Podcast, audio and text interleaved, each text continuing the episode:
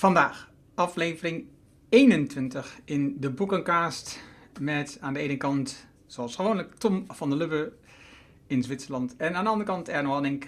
Welkom Tom. Welkom Erno. En vandaag hebben we een boek wat eigenlijk nou, makkelijk wegleest, maar toch wel diepgaand onderzoek achter zit. The Paradox of Choice van Barry Schwartz. Met de ondertitel Why More is Less. Op dit moment is er ook een boek Less is More. Maar dit is Why More is Less. En het, het boek wat hij schreef is eh, bekend. Wordt heel vaak aangehaald over waarom we zo worstelen met beslissingen, waarom er zoveel keuzes zijn. Het is opgedeeld in vier blokken. En daar gaan we het zo over hebben. En mijn grove conclusie is dat eigenlijk het, laatste hoofdstuk je het meeste helpt om, uh, om, eigenlijk voor jezelf makkelijker te maken. En, en dat is een heel kort hoofdstuk, maar goed, heeft natuurlijk, daarvoor heeft hij al die andere hoofdstukken uitgelegd waarom dat dan zo van belang is. En maar het laatste hoofdstuk heb ik drie keer doorgelezen om gewoon nog beter te beseffen, oké, wat is nou echt belangrijk om te doen, ja, waardoor je minder stress krijgt van keuzes. Wat is, wat is voor jou de overliggende conclusie? Ja, ik vind uh, de introductie uh, al uh, ja, heel passend en heel goed. dus ik, ik verheug me in ieder geval op dat jij dat laatste hoofdstuk, omdat je het drie keer hebt gelezen, ik heb het maar één keer gelezen, gaat uitleggen. Want ik denk inderdaad dat het een heel interessant boek is waar veel zeer wetenschappelijke theorie gebruikt wordt om naar de hand te zeggen, ja, wat, wat kun je ermee? Dus het is echt de how-to. Hoe, hoe, reduceer je die keuzestress? En daar gaan we dan naar de hand wel op in. Ja, en wat ik, wat ik dus heel leuk vind, dit soort type boeken, is dat het, het gaat elke keer weer om wat is counterintuitive. Hè, dus je denkt dat meer keuze dat het beter is. En het boek gaat natuurlijk daar juist om. De paradox van keuzevrijheid. En dat is natuurlijk gewoon intellectueel. Ja, ik vind dat dus een heerlijk onderwerp. Omdat dat, ja, het is gewoon goed voor je hersenpan. Dus in allerlei verschillende dimensies. En daar kom jij natuurlijk daar wel op als we dit boek induiken. Elke keer weer geconfronteerd daarmee wordt dat, dat uiteindelijk, heel simpel gezegd, lijkt alsof je er gelukkiger van wordt het tegenovergestelde effect heeft. Hè? Dus meer overvloed maakt je ongelukkiger. Nou, dat is even counterintuitive. Omdat je denkt van, oh nee, maar als ik meer keuzevrijheid heb of meer heb, dat ik dan gelukkiger word. Ja. Ja, en, daarbij, dit boek is voor mij sowieso, dat past gewoon in het werk wat ik op dit moment ontzettend mee bezig ben. Ik ben bezig met onderzoek naar hoe je betere keuzes maakt. Dus alles wat maar te maken heeft met keuzes, dat staat op mijn boekenlijst voor het komend jaar. Nou, dat is niet waar, maar in ieder geval veel boeken. Eh, en dit was een van die boeken die ik graag opnieuw wilde lezen, want het is het boek wat we allebei al een keer hebben gelezen. En toch, zoals jij al eerder hebt gezegd, uh, op het moment dat je een tweede keer leest, haal je weer andere dingen uit dan de eerste keer. En dat komt natuurlijk ook in de fase waarin je in je leven zit. Hè. Dat, dat geeft ook een bepaalde houding uh, hoe je naar dingen kijkt. Oké, het, het, boek is opgedeeld in uh, vier blokken. Wanneer kiezen we? Hoe kiezen we? Waarom lijden we onder die keuzes?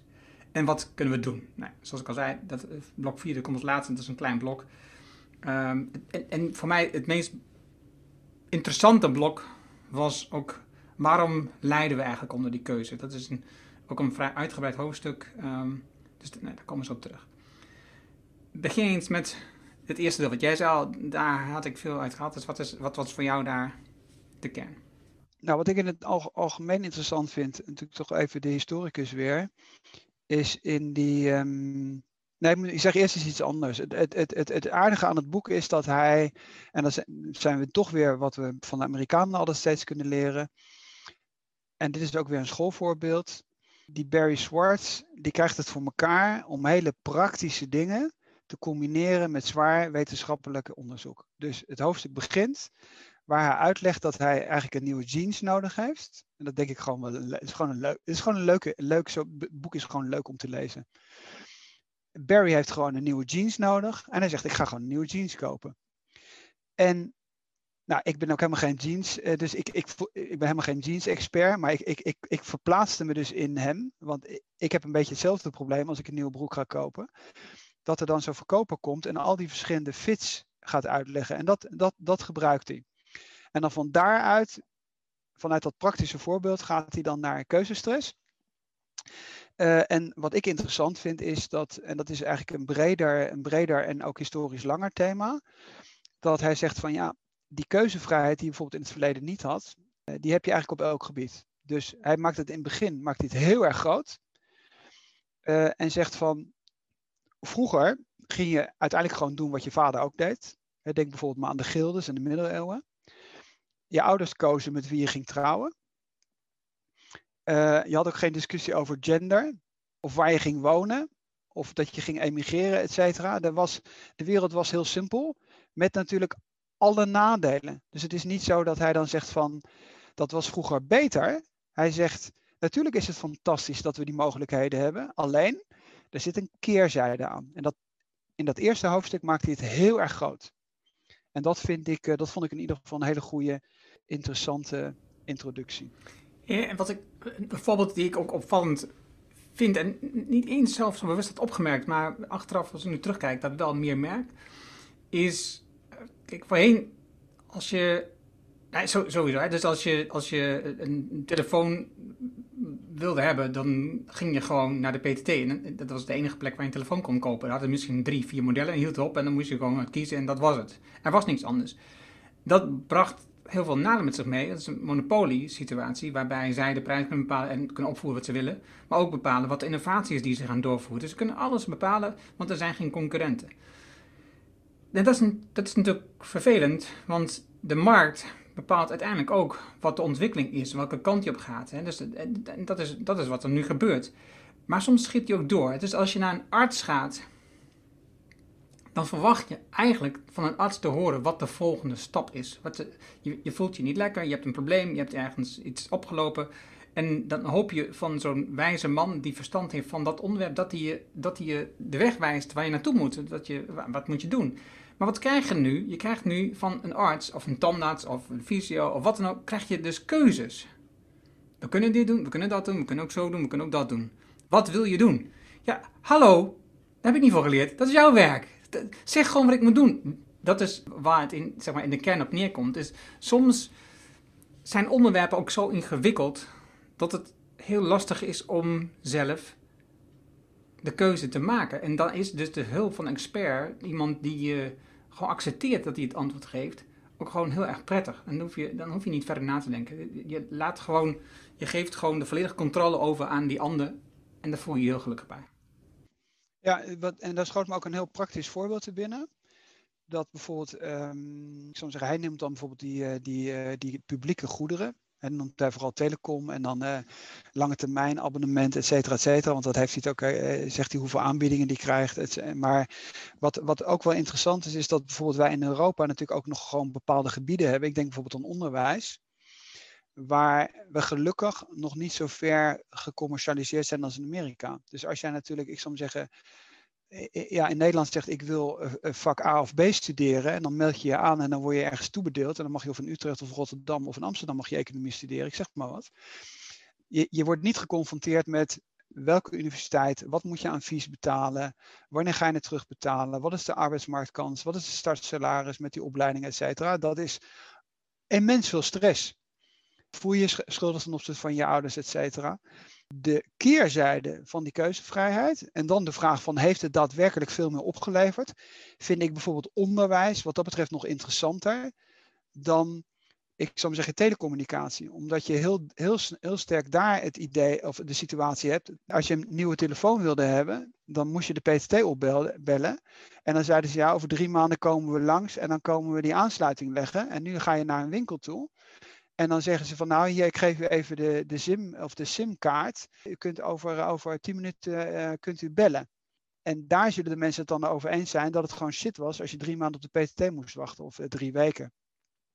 Bij onderwijs is dat veel duidelijker. Alleen dat doet, vond ik jammer, dat doet hij helaas niet. Hij heeft dan naar de hand wel over, over de keuze van de vakken op een universiteit. Maar de laag daaronder, en dat vind ik voor, als, voor ons als Europeanen eigenlijk veel interessanter.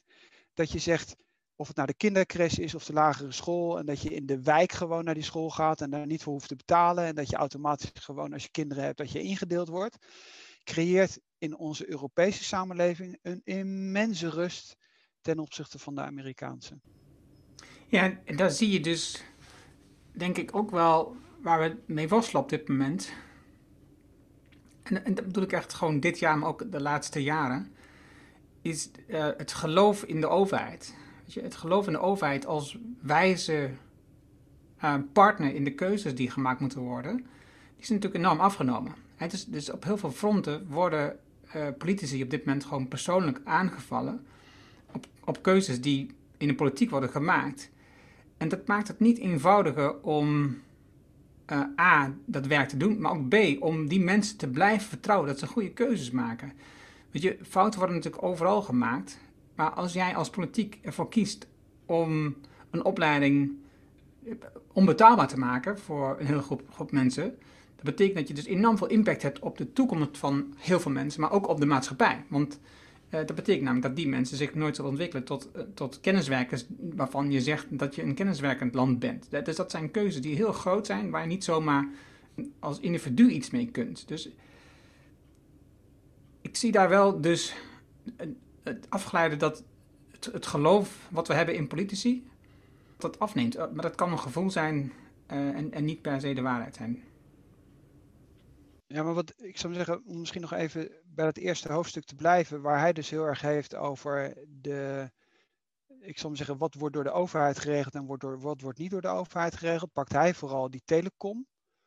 En dan kun je naar de hand ook water nemen en weet ik veel wat allemaal. Alleen ik denk dat als je, als je vanuit de Europese context, of eigenlijk niet eens vanuit de Europese context, maar de mensen zou vragen, wat zijn de dingen die het meeste stress opleveren, dan is dat uiteindelijk in de Maslow-pyramide, wat gebeurt er als ik werkloos ben?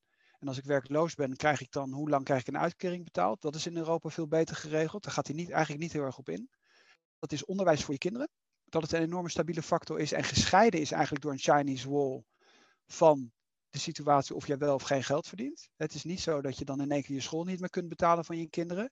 En dat creëert een enorme rust. Maar die koppeling maakt hij niet. Dus hij maakt aan het eind van het boek, zegt hij wel, uh, suïcide stijgt in een aantal landen, maar bijvoorbeeld in Duitsland niet. Daar gaat het naar beneden. Maar dat is nou juist wel het gevolg van die Chinese walls.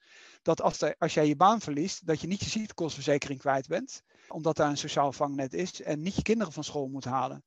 En dat vind ik eigenlijk, in dat eerste hoofdstuk vind ik jammer. Dat hij eigenlijk niet meer afstand neemt van het Amerikaanse model en door een Europese bril daarnaar kijkt. Oké, ik, snap wat je bedoelt. En ik kan me ook voorstellen dat het te maken heeft met de tijd waarin het boek geschreven is. Want het is natuurlijk al een paar jaar oud. 2004.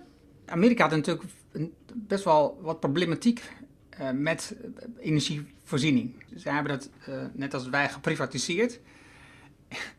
En dat betekende op sommige plekken gewoon dat mensen gewoon geen stroom hadden voor bepaalde periodes. En, en dat dat was rond die tijd met Enron-schandaal en dat soort dingen. Dat, was natuurlijk, dat, is, dat was wel een, een, iets met de tijd. En buiten dat, hij is natuurlijk een Amerikaan en niet echt gericht op Europa dat het ook anders zou kunnen dan wat Amerika gewend is. Dus ik, ik snap, ik, ik kan wel begrijpen uh, waar dat vandaan komt. Uh. Maar hij komt er later in het boek op terug, hè? Dus, maar, maar dus, ik zou zeggen, op, blad, in, mijn uitgave, uh, bladzijde 200, heeft hij het over het happiness quotient. En dan zegt hij, ja, in de afgelopen 30 jaar uh, is er een verschil. 5% minder mensen die zich gelukkig voelt. En dan zegt hij, dat betekent 14 miljoen Amerikanen waren in de jaren 70 gelukkiger dan dat ze nu zijn. En dat heeft onder andere ermee te maken. Het heeft bijvoorbeeld met die angst voor die sociale mobiliteit, et cetera, te maken. En hij benoemt dat helaas niet. Dus op gescheiden plekken, hij begint met collectieve goederen en heeft het over telecom, stress. Terwijl die 200 bladzijden verder heeft hij het over dat de Amerikanen minder gelukkig zijn dan in de jaren 70. En dan zeg ik van nou, het zou wel interessant zijn geweest die link te maken en te zeggen, ja, waar ligt dat dan aan? En dat is, die, dat is niet dat de mensen ongelukkiger zijn omdat ze keuzestress bij die jeans hebben. Nee, dat is omdat ze bang zijn werkloos te worden en, en er een domino-reeks van risico's ontstaat en die college-fees enorm gestegen zijn. Nee, dat, dat, dat, zie ik dat wat anders. Maar dat zie ik wel wat anders. Ik denk, wat ik daaruit vertaald heb is, uh, als je kijkt naar de keuzes die je krijgt als mens we lopen iets vooruit op, uh, op de inhoud van het boek, maar goed. Uh, is, die, zijn, die zijn zo ingewikkeld. Het is, dus als je kijkt. Nou, wacht even, wat gaan we anders doen? We gaan even naar hoofdstuk 2. Jij gaat eerst hoofdstuk 2 uit. Of tenminste deel 2. Dat is niet hoofdstuk 2, dat is hoofdstuk 3 en 4. Maar ik pak even deel 2. Als ik het goed heb, zit het verhaal van satisficers en maximizers, toch? Ja, en, Ka en Kahneman. en uh, Seligman en zo. Ja, maar in, in dit deel uh, behandelt hij het feit, uh, in hoofdstuk 4 gaat over when only the best will do. En dat is natuurlijk het hele punt waar het over gaat. En daar, die koppeling met net ook kan hier heel goed in. Op het moment dat je enorm geconcentreerd bent als individu op het beste wat je kunt realiseren, dus welke keuzes moet ik maken voor het allerbeste resultaat, dan uh, heb je met een aantal problemen te maken. Want wat is dan dat beste resultaat? En als je kijkt naar je toekomst, hè, dus wat is dan de beste baan die ik wil hebben? Wat is de beste opleiding die ik kan kiezen? Uh, wat, is de, wat is de beste um, studie die ik kan kiezen om het meeste in de toekomst te verdienen? Dus die keuzes die zijn zo zwaar richting je toekomst. Uh, Zo'n keuze in je, in, in je, in je um, jeugd, die heeft zoveel effect op de, de jaren daarna, dat het een hele belastende keuze voor je is. En ik kan me goed voorstellen dat dus dat soort keuzes, en niet alleen hè, de, de keuze van een studie of wat dan ook, maar ook in alles, in alles kun je continu kijken wat de beste keuze is. En je wordt, wordt ook overvoerd met keuzes via de reclame, via anderen, via social media. En hij noemt dan bijvoorbeeld um, een verschil tussen uh, mensen. Je hebt aan de ene kant de maximizers. Dat zijn dus die mensen die eigenlijk altijd het maximale willen halen. Dus zij doen enorm lang over, over kiezen. En het, het, het lastige is, die mensen die dat dus doen, die hebben ook nog eens last van het moment dat ze dan gekozen hebben, dat ze het vaak terugbrengen. Want ze komen erachter dat het toch nog een betere keuze was, of een lagere prijs was, of wat dan ook. En het irritante voor hun daarvan is dat ze ook nog minder tevreden zijn met hun keuze. Dus dat veroorzaakt nog meer stress. Dus eerst heb je ontzettend veel tijd nodig om te, om te beslissen. Je, bekijkt alle opties, dus dat is stress. Maar daarna ben je ook nog weer ontevreden met de keuze die je uiteindelijk hebt gemaakt en het resultaat dat je uitgaat. Terwijl een um, satisfier, die gaat niet voor het maximaal, die gaat voor goed genoeg. Dus die weet het aantal keuzes in te perken. Een bepaald moment een keuze te maken, dat is voor mij goed genoeg. En vanaf dat moment ook de andere keuzes te negeren. En zeggen: Dit is gewoon wat ik nu heb. Dus hier ben ik gelukkig mee. Dus in zijn voorbeelden schetst hij dus uh, het verschil tussen. Ja, wanneer ben je nu gelukkig met je keuze? En dat is dus een satisfier, is iemand die dus gewoon door de bank genomen gelukkiger is met de keuze. A, omdat hij minder tijd heeft besteed aan de keuze en dus meer tijd kan besteden aan andere dingen. Maar ook B, omdat hij dus naar de hand niet nog weer om zich heen kijkt naar betere keuzes dan het product wat hij al gekocht heeft, maar gewoon tevreden is met de keuze die hij gemaakt heeft. En dat, ik vond dat dus ook weer een fantastisch. Dat komt waarschijnlijk omdat ik zelf al meer satisfier ben en maximizer ben en dus een soort bevestiging krijg. Zie je wel, ik doe het goed. dus dan zal het waarschijnlijk meer mijzelf aanspreken. Um, en ik denk dat als iemand een maximizer is, dat hij, dat dit hoofdstuk waarschijnlijk iets anders leest dan ik. Dus uh, dat is hoe ik het tegenaan kijk. Misschien wat, misschien wat aardig is om even dat praktische voorbeeld van die jeans weer te nemen. Betekent eigenlijk gewoon heel simpel concreet dat als jij satisfier bent, dan ga je naar één winkel. Maximaal twee. Uh, maximaal twee. En dan zeg je, ik heb een nieuwe jeans nodig. En dan, en dan ga je daar naartoe en zeg je, hier, ik wil hem nog een keer hebben. Uh, of ik, bedoel, ik, ik koop hem dan twee of drie keer, want dan weet ik dat ik niet nog een keer naartoe moet. Ja. En degene die dus, ik zou zeggen, de hele stad doorloopt en in twintig winkels loopt, dan uiteindelijk die ene jeans koopt, die denkt de hele tijd van had ik misschien niet toch die andere moeten kopen. Was die andere paspoort misschien toch net iets beter geweest? Of die andere manier van stonewashing, et cetera, et cetera. Had hij er iets cooler uitgezien, et cetera. En dat is, en dat is eigenlijk het interessante, wat jij net beschreven hebt. En ik denk voor veel mensen ook wel een eye-opener. En natuurlijk, wat hij ook beschrijft, hè, dus, dus hij zegt zelf ook, ik ben ook een satisfier. Maar er zijn ook punten waarop ik een maximizer ben. Hè. Dat, en dat, dat herken ik bij mezelf ook. Er zijn ook onderwerpen waar ik, waar ik wel probeer tot het gaatje te gaan, omdat ik dat dan super interessant vind en leuk vind. Dus het is niet zo, je bent satisfied en altijd satisfied, maar ik, herken mezelf in, wel door de bank genomen als een satisfied, omdat ik gewoon op heel veel vlakken gewoon denk, oké, dit kies ik en dit is goed genoeg. En dat is ook prima. En, en dan kijk ik ook niet meer om. Ik, maar mijn vrouw, dus ik herken heel erg exact de tegenstelling, die is echt een maximizer. Die kan iets kopen en dan komt ze mee thuis en dan gaat, ze, en dan gaat het passen en dan kijkt ze even na en dan kijkt ze nog een keer na, nog een keer na. Dus is al, ook al tien winkels langs geweest. Hè? Dus, en voor duidelijkheid, het is niet, ik wil daar niet afkraken, maar dat is een hele andere manier van denken. En dan komt ze thuis en dan, en dan is nog echt, ik denk acht van de tien keer wordt nog het teruggebracht Omdat het toch nog niet goed genoeg was. Omdat er toch nog twijfel is over de pasvorm, over hoe het zit, of weet ik veel wat. Ik, ik zou er echt gek van worden. Maar ik vroeg me ook een beetje af of het een beetje ook mannen versus vrouwen zijn. Ja, dat, dat kan ik niet bij voorstellen, maar ik, maar ik wilde niet, ik wilde niet te veel op die manier. Maar dat pakte, maar dat pakte hij niet, dat voorbeeld. Nee. Dus ik merk, merk dat zelf ook wel, want ik zou maar zeggen, ik heb hier een, een trui aan eh, van Peek Kloppenburg. En ik ga één keer per jaar ga ik naar die winkel toe en dan koop ik drie of vier kleuren. En dan maken een hele hoop mensen in mijn familie grappen over. En dan ben ik weer een jaar onder de pannen en dan weet ik dat ik een jaar niet meer de stad in hoef. En dat, dat is voor mij heel, heel geruststellend, zou ik maar zeggen. En hetzelfde doe ik bij overhemden en bij broeken. En dan ben ik, dan ben ik dus één keer, per, één keer per jaar moet ik er naartoe, tussen aanhalingstekens. En de rest wil ik, eh, ik heb een hekel aan shoppen. Maar ik denk van ja, is dat niet ook gewoon typisch mannelijk? Ja, dat denk ik wel.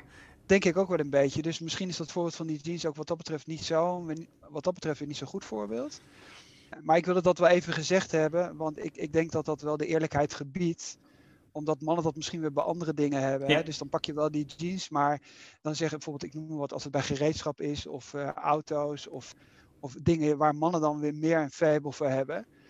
Uh, misschien is dat een beetje een ongeëmancipeerd verhaal, uh, of klinkt het nou een beetje ongeëmancipeerd verhaal, maar misschien is dat wat dat betreft ook niet zo, niet zo eerlijk, zou ik maar zeggen. Nee, maar ik, ik kijk naar een aantal um, grote ondernemers, dat wordt ook vaak geschetst, hè, die dus het aantal keuzes minimaliseren kleding is voor een man vaak een onderdeel van dat soort keuzes. Hè? Dus Steve, Steve Jobs. Ja, Steve, Steve, Jobs, Mark Zuckerberg, allemaal zelf. Hebben allemaal altijd dezelfde kleren aan. Omdat, het, omdat ze zeggen, hè, dus een van de keuzes die ik me maak op een dag, die heb ik geëlimineerd. Dus ik heb allemaal dezelfde spullen in de kast hangen, ik trek het nieuws aan, dat is klaar. En dat is voor, ik zou zeggen, 80% van de mannen is dat gewoon heel acceptabel. Maar voor 80% van de vrouwen is dat niet acceptabel. Want als, als ze dat doen, denken ze dat de omgeving denkt, ze hebben altijd hetzelfde aan. En dus dat kan niet. Dus en ik denk ook dat vrouwen onderling in dit soort dingen veel strenger naar elkaar zijn op, op dit soort dingen. En mannen dat gewoon van elkaar gewoon accepteren en ook, ook helemaal niets. Ja, is toch, maar ik wil de vrouw een beetje in bescherming nemen omdat het toch een beetje saai is. Dus als ik uh, hier, als ik hier elke dag in een grijze trui zit, dan zegt, zegt, zegt, uh, zegt mijn vrouw uh, of mijn moeder ook van hé hey, Tom, doe eens, doe eens een frisse kleur aan. Dus daarom zit ik vandaag hier in een blauwe trui. Dus, en, ik, ja, en, ik, en wat dat betreft, ik bedoel, is dat, is, dat wel, uh, is dat wel legitiem. Dus ik denk dat we wat dat betreft als mannen daar wat, wat, wat, wat zelfkritisch moeten zijn bij dit voorbeeld. En moeten zeggen van nou, die kleding, ja, dat wordt gebruikt, maar laten we zelf kritisch zijn en dingen die we juist wel heel leuk vinden. Hè, uitzoeken van een auto voor heel veel mannen. Uh, en ook nog andere thema's. Uh, daar geldt hetzelfde. Ik zou maar zeggen, hoe zijn mannen aan het kijken welke, welke dingen ze wel in een auto willen hebben en welke ze niet in een auto willen hebben. Ja, eens. Oké, blok 3, dat is, dat is de kern. Want voorheen heb je het over de keuzes gehad, maar waarom, waarom hebben we nou zoveel last van die keuzes? Waarom is het nou zo zwaar, al die keuzes? We lijden, schrijft hij zelf. Exact, exact, we lijden onder die keuzes. Hij heeft een aantal dingen. En ten eerste begint hij met keuzes en geluk. En, en wat je net al schetste, dus, eh, dus we hebben meer keuze gekregen, maar het gevoel van geluk neemt af. Het andere is ook dat we niet in de gaten hebben dat als we in een bepaalde situatie uitkomen, of het nou is vanuit een betere situatie, dus we zijn verslechterd, of we zitten in een slechte situatie en we zijn veel verbeterd, dat we na verloop van tijd, en niet zo'n hele lange tijd zelfs, wennen aan deze nieuwe situatie en dat ons nieuwe basisniveau is waar we van uitgaan. En dus we hebben hoge verwachtingen van iets wat in de toekomst veel beter is, bijvoorbeeld. dus, dus meer loon of een groter huis of een nieuwe auto. Nou, noem maar op. dus daar hebben we een bepaalde hoge verwachtingen op het moment dat we een keuze maken, hoe gelukkiger we daar dan van zullen worden. Op het moment dat het gebeurd is, dan zijn we binnen no time terug op ons oude geluksniveau. En is dat een nieuwe standaard. Datzelfde geldt overigens als er ons iets ernstigs overkomt. We zouden bijvoorbeeld een ongeluk krijgen en we zouden een arm verliezen of wat dan ook. Op het moment dat dat gebeurt, uiteraard ben je diep ongelukkig, want je, je, bent, je bent echt iets verloren wat heel belangrijk voor je was. En, maar ook op dat moment, als je daar een tijd lang in zit, zak je terug naar je oude geluksniveau. Want dat is nou eenmaal de situatie waarin je zit. En je gaat ook daardoor veel meer zien wat je eigenlijk allemaal wel kan. In plaats van wat je in eerste instantie ziet, wat je allemaal niet kan. En ja, dat is een van de dingen die naar voren komt. En het andere bijvoorbeeld is dat je dus gemiste kansen hebt. Dus, dus dat je nadenkt over alle opties die er zijn. En denkt van, oh ja, maar als ik dus dit kies, dan mis ik dus dat. En dat is, en dat is wat ook enorm veel natuurlijk aan het doen zijn. Is dat we de hele tijd alle opties op ons afkrijgen. En op het moment dat we dus één optie kiezen, dan vallen er andere opties af die ook iets positiefs hadden. En daar hebben we last van. En dus als we. Noem eens een voorbeeld. Ja, ik zit even, ik zit even in die inhoudsopgave te kijken. En uh, misschien nog wel wat relevant. De helft van het boek gaat eigenlijk daarover. Want ik zat even te kijken van ja, hoe groot is dat stuk? Dus van de 200 bladzijden gaan er 100 bladzijden over. En dat, en dat Why We Suffer is opgedeeld in zes, in zes hoofdstukken. En elke keer is het weer een soort wat jij net aan het beschrijven bent. Elke keer gaat het erom dat eigenlijk, hè, de, de, zoals de titel van het boek is, dat je denkt, meer is toch minder. Vergelijken, gemiste kansen, et cetera. En dat diept hij op allerlei manieren uit. Jij wilde een voorbeeld hebben, hè? Uit welke categorie? Dat maakt niet uit. Nou, wat ik bijvoorbeeld, en wat, ik, wat een van mijn lievelingsvoorbeelden is, uh, wat dat betreft ook een aardige link naar Warren Buffett, die, die blijft dus zijn hele leven wonen in dat huis wat hij in de jaren 50 heeft gekocht in een of andere, ja, eigenlijk totaal middelmatige wijk. Dus hij is een van de miljardairs die niet, die weet ik voor hoeveel vierkante meter neerzet, zoals Jeff Bezos bijvoorbeeld, ja, gewoon een heel moderaat leven blijft leiden. Dus wat dat betreft zou mijn voorbeeld zijn, wat hij zegt, en dat is voor mij ook een beetje de kern. Voor mij is de kern eigenlijk altijd: the best way to reach your goals is to lower your expectations. En daar dan te blijven. En het voorbeeld wat hij noemt, om het even heel praktisch te houden, zegt hij: als jij, als jij graag wijn drinkt, blijf een relatief normale wijn drinken. En bewaar die dure wijn voor speciale gelegenheden. Maar ga nou niet omdat je het je kunt permitteren, financieel, elke dag een hele dure wijn drinken. Want dan is die speciale gelegenheid er niet meer. En ik denk dat dat in de kern van het boek een hele belangrijke levensles is.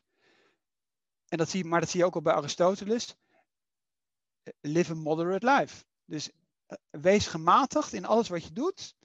En kies af en toe een soort beloning en gun je dan iets wat een beetje meer is. En dan probeer die keuzevrijheid te beperken. Dus als je zegt, ik heb gewoon een bepaalde huiswijn en die smaakt. En je hebt het idee dat je, dat je permanent met een enorm wijnboek elke keer weer, weet ik veel wat ze of zo moet doen. Of, of, of koester het als een soort hobby. Dat kan natuurlijk ook. Hè. Betekent niet dat je niet een wijnkenner en wijnliefhebber mag zijn. En hij zegt zelf dat hij een grote restaurantliefhebber is. Maar dat hem dat keuzestress bereidt. Dus bij de, bij de, dat moet ik wel zeggen, dat is wel fair ten opzichte van hem. Dus bij die jeans waar hij zegt, maakt me allemaal geen pepernoot uit, is hij dus een grote restaurantliefhebber. En daar zegt hij, nou dat levert me stress op. Zal ik dit kiezen of dat ik dat kies? En als ik dat gerecht kies, dan heb ik het andere niet geproefd. Et cetera. En dat vind ik op zich wel aardig. Dat hij zegt van, nou probeer dat nou, probeer dat nou te koesteren, dat het iets bijzonders blijft. Ik had ook regelmatig, ik heb ook opgeschreven notities, een stoïcijns gevoel bij het boek. Dus, dus, dus probeer gewoon je keuzes te minimaliseren. Hou je aan bepaalde regels, virtues bij stoïcijns leef heel, heel sober. En doe gewoon wat goed is voor de mensheid.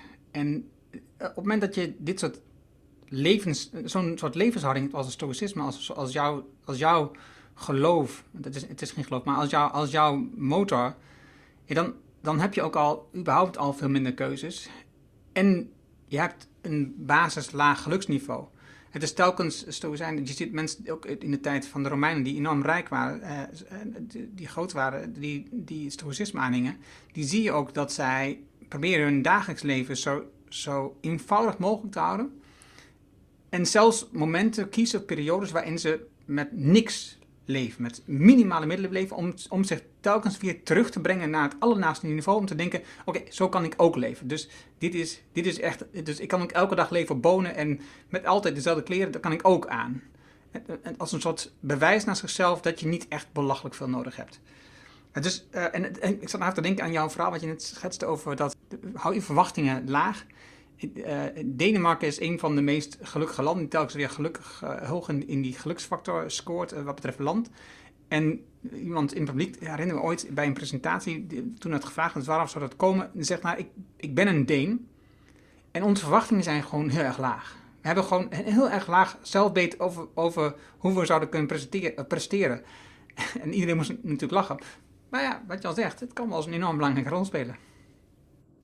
Ik, ik denk ook wel dat je, er zit natuurlijk altijd nuance in. Dus ik zou maar zeggen, je kunt enerzijds, dus net zoals je kunt zeggen van, nou, ik ben een wijnliefhebber en dat is een hobby en dat koester ik en ik drink elke avond een andere fantastische wijn, want dat is mijn passie. Dat zij iedereen gegund. Alleen probeer dat dan te koesteren. Maar als je die keuzestress op elk gebied van je leven hebt en permanent bezig bent, heb ik het juiste mobieltje en het juiste abonnement en de juiste spijkerbroek en weet ik wat, dan word je op een gegeven moment gewoon helemaal gillend gek. Dat is het ene thema. En het andere thema, en dat is hoofdstuk 9, is, en ik denk dat het ook, dat kent iedereen wel, wat eigenlijk funest is, is je vergelijken met mensen die het beter hebben. Dus als jij altijd alleen maar ziet iemand die nog een grotere auto heeft en nog een groter huis en zo, je gaat er ook nog naast wonen terwijl je het niet kunt permitteren. En dat, dat, dat, dat is soms een soort zelfgeesteling, is dat een soort, dan martel je jezelf. Dus als jij met een laag inkomen in een, in een dure wijk gaat wonen, ik noem wat, jouw kinderen moeten ook allemaal golfen en uh, weet ik veel wat, dan word je natuurlijk helemaal, helemaal gek. Dus, en dat is waar hoofdstuk eh, 9 over gaat. En dat is iets, denk ik, wat, om het weer heel praktisch te maken, iedereen heel goed kent. Dus als jij het gevoel hebt dat je op een, op een toneel moet spelen of mee moet doen, waar je eigenlijk wat een nummer te groot voor je is, dat is eigenlijk als je een recept wil hebben om ongelukkig te worden, moet je dat doen. En hij geeft ook in het hoofd, want het gaat niet alleen over vergelijken met anderen, het gaat ook vergelijken met jezelf, met vorige prestaties, met vorige resultaten. Ook als je daarmee gaat vergelijken, ook dan wordt het lastig voor jezelf om telkens weer dat beter te maken. Ook dat maakt ongelukkig. Terwijl als je jezelf vergelijkt met mensen die het minder hebben, en daar komen we zo meteen op terug in het, in het laatste blok, dan um, word je gelukkiger. Want dan realiseer je wat jij wel hebt. Oké, um, mensen moeten wat te lezen hebben, dus we gaan niet anders oppakken. What to do about the choice is het laatste deel, oftewel what can we do? Nou, er zijn een aantal dingen die ik heb opgeschreven die je uh, kan doen. Ten eerste kun je ervoor zorgen dat je nadenkt over de keuzes die echt voor jou van belang zijn. Niet alle keuzes, maar dat is gewoon een paar levenskeuzes die echt belangrijk voor je zijn. Waar jij zegt: Oké, als er dit soort dingen voorbij komen, dan raak ik daar tijd aan besteden. Dat is belangrijk voor mij. Zodat je daarnaast alle andere keuzes kunt vereenvoudigen. En dat kun je doen met regels, met gewoontes. Hè. Dus als, als dit gebeurt, dan doe ik dat. Hè. Dus gewoon hele simpele evidentsituaties. Als dit gebeurt, doe ik dat. Ik ga niet lang over nadenken. Ik maak gewoon dan die keuze. Of je kunt het bundelen. Dat je op dit onderwerp maak ik altijd zo'n soort keuze. Dat helpt enorm. Vermindert enorm het aantal keuzes wat je maakt. En geef je de ruimte, omdat je dus op al die andere vlakken geen keuze hoeft na te en niet hoeft na te denken continu, om juist heel goed na te denken over de dingen die je echt belangrijk vindt. Het andere, wat we net al geschetst, is dus je kan zeggen, uh, ontwikkel jezelf meer naar een satisfier, waardoor je op het moment dat je een keuze gemaakt, dat je meer tevreden bent met wat je al hebt. Het is de, goed genoeg situatie. En dat kan je ook op alles toepassen. Dat kan je ook je bedrijf toepassen. Dat kun je als ondernemer, als mens, in je relatie, op alles kun je dat toepassen. Je, uh, en dus als je ook nog minder gaat vergelijken, wordt dat nog makkelijker. Een grappige die ik ook vond is, we zijn natuurlijk ook nu overspoeld met met marketing, met reclame, met PR. Om altijd weer het nieuwste model te kopen. Altijd weer het nieuwste gadget, want er zit iets op wat beter is dan wat je nu hebt. Hè? Dus je leven is nu niet goed. En als je dit koopt, wordt je leven wel goed. Dat soort, dat gedachten. En wat hij schetst is, oké, stop die zoektocht naar dat nieuwste altijd. Of verminderen, zegt hij. Want het nieuwste vindt jou wel ik dacht, dat vind ik wel een leuke eh, manier van denken. Dus, dat, dus je gaat gewoon niet uh, meer alles onderzoeken. Je, je past dat gewoon, want als echt iets belangrijk is voor je, dan komt dat vanzelf wel op je af. Nou ja, dat is een mooie levenshouding. De laatste die ik wil noemen is dankbaarheid. Ik heb hem net al even aangestipt, hè? Dus, dus kijk naar mensen die het minder hebben. En dus hij geeft als suggestie, maak elke dag een, een, een, een lijstje van vijf punten waarvoor je dankbaar bent. Elke dag opnieuw. Dat betekent dat je telkens opnieuw moet nadenken: oké, wat heb ik, waar ben ik vandaag dankbaar voor? Waar ben ik vandaag dankbaar voor? En het is niet één keer, dan krijg je uh, grootse dingen. Dan, en, maar als je ze elke dag doet, dan kom je uiteindelijk uit, dat zul je merken, um, bij hele kleine dingen. De, zon, de zon schijnt. Um, ik heb gewandeld. We hebben samen gegeten. Dingen die niks kosten, alleen maar aandacht en tijd. Dat is het, meer niet. Het zijn keuzes die je maakt die heel simpel zijn en die je enorm gelukkig maken. Want het maakt je heel erg bewust van wat je nu hebt. En je, daarom ben je veel minder bezig met wat moet ik nog hebben. Jouw aanvulling? Ja, ik vind het een hele goede samenvatting. Ik denk ook dat, uh, zeker ook in tijden van corona, dat een heel interessant boek is. Omdat heel veel mensen op dit moment met zelfreflectie bezig zijn. De mensen zijn altijd beide. Je bent satisfier en maximizer. En dat het een heel goed tijdstip op dit moment is om dingen gewoon weg te strepen. Nou, we hebben beide, geloof ik, geen tv. Ik heb al, uh, weet ik wat. De...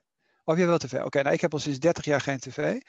Dat, dat lost mijn keuzestress met betrekking tot wat moet ik wel zien en wat moet ik niet zien op. En als ik echt iets moet zien, dan krijg ik het door drie mensen tegelijkertijd gemaild. En dan zeggen ze, je moet die uitzending van Zomergasten zien van de VPRO. En dan kijk ik hem nog steeds op mijn computer. Maar ik ben volledig verlost van dat hele thema tv.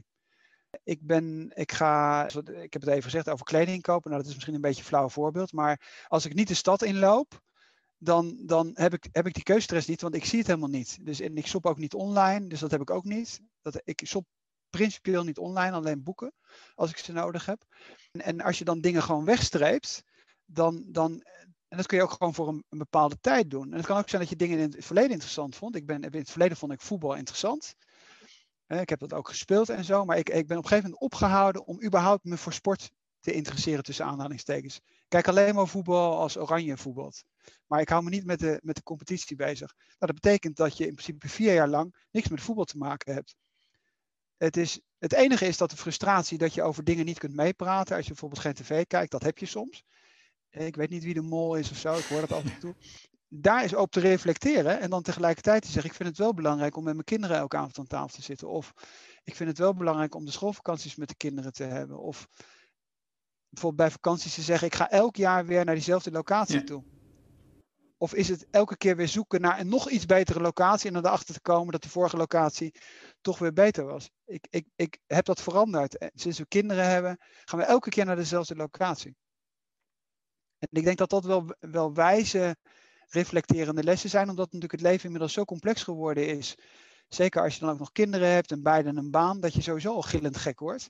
Dus dat je op een of andere manier moet kijken waar kun je zonder dat je het gevoel hebt dat je, dat je, dat je er ongelukkiger van wordt, delen gewoon wegstrepen of vereenvoudigen, zodat je die keuzestress op die andere terreinen nog overhoudt. En dat je die wel aan kunt.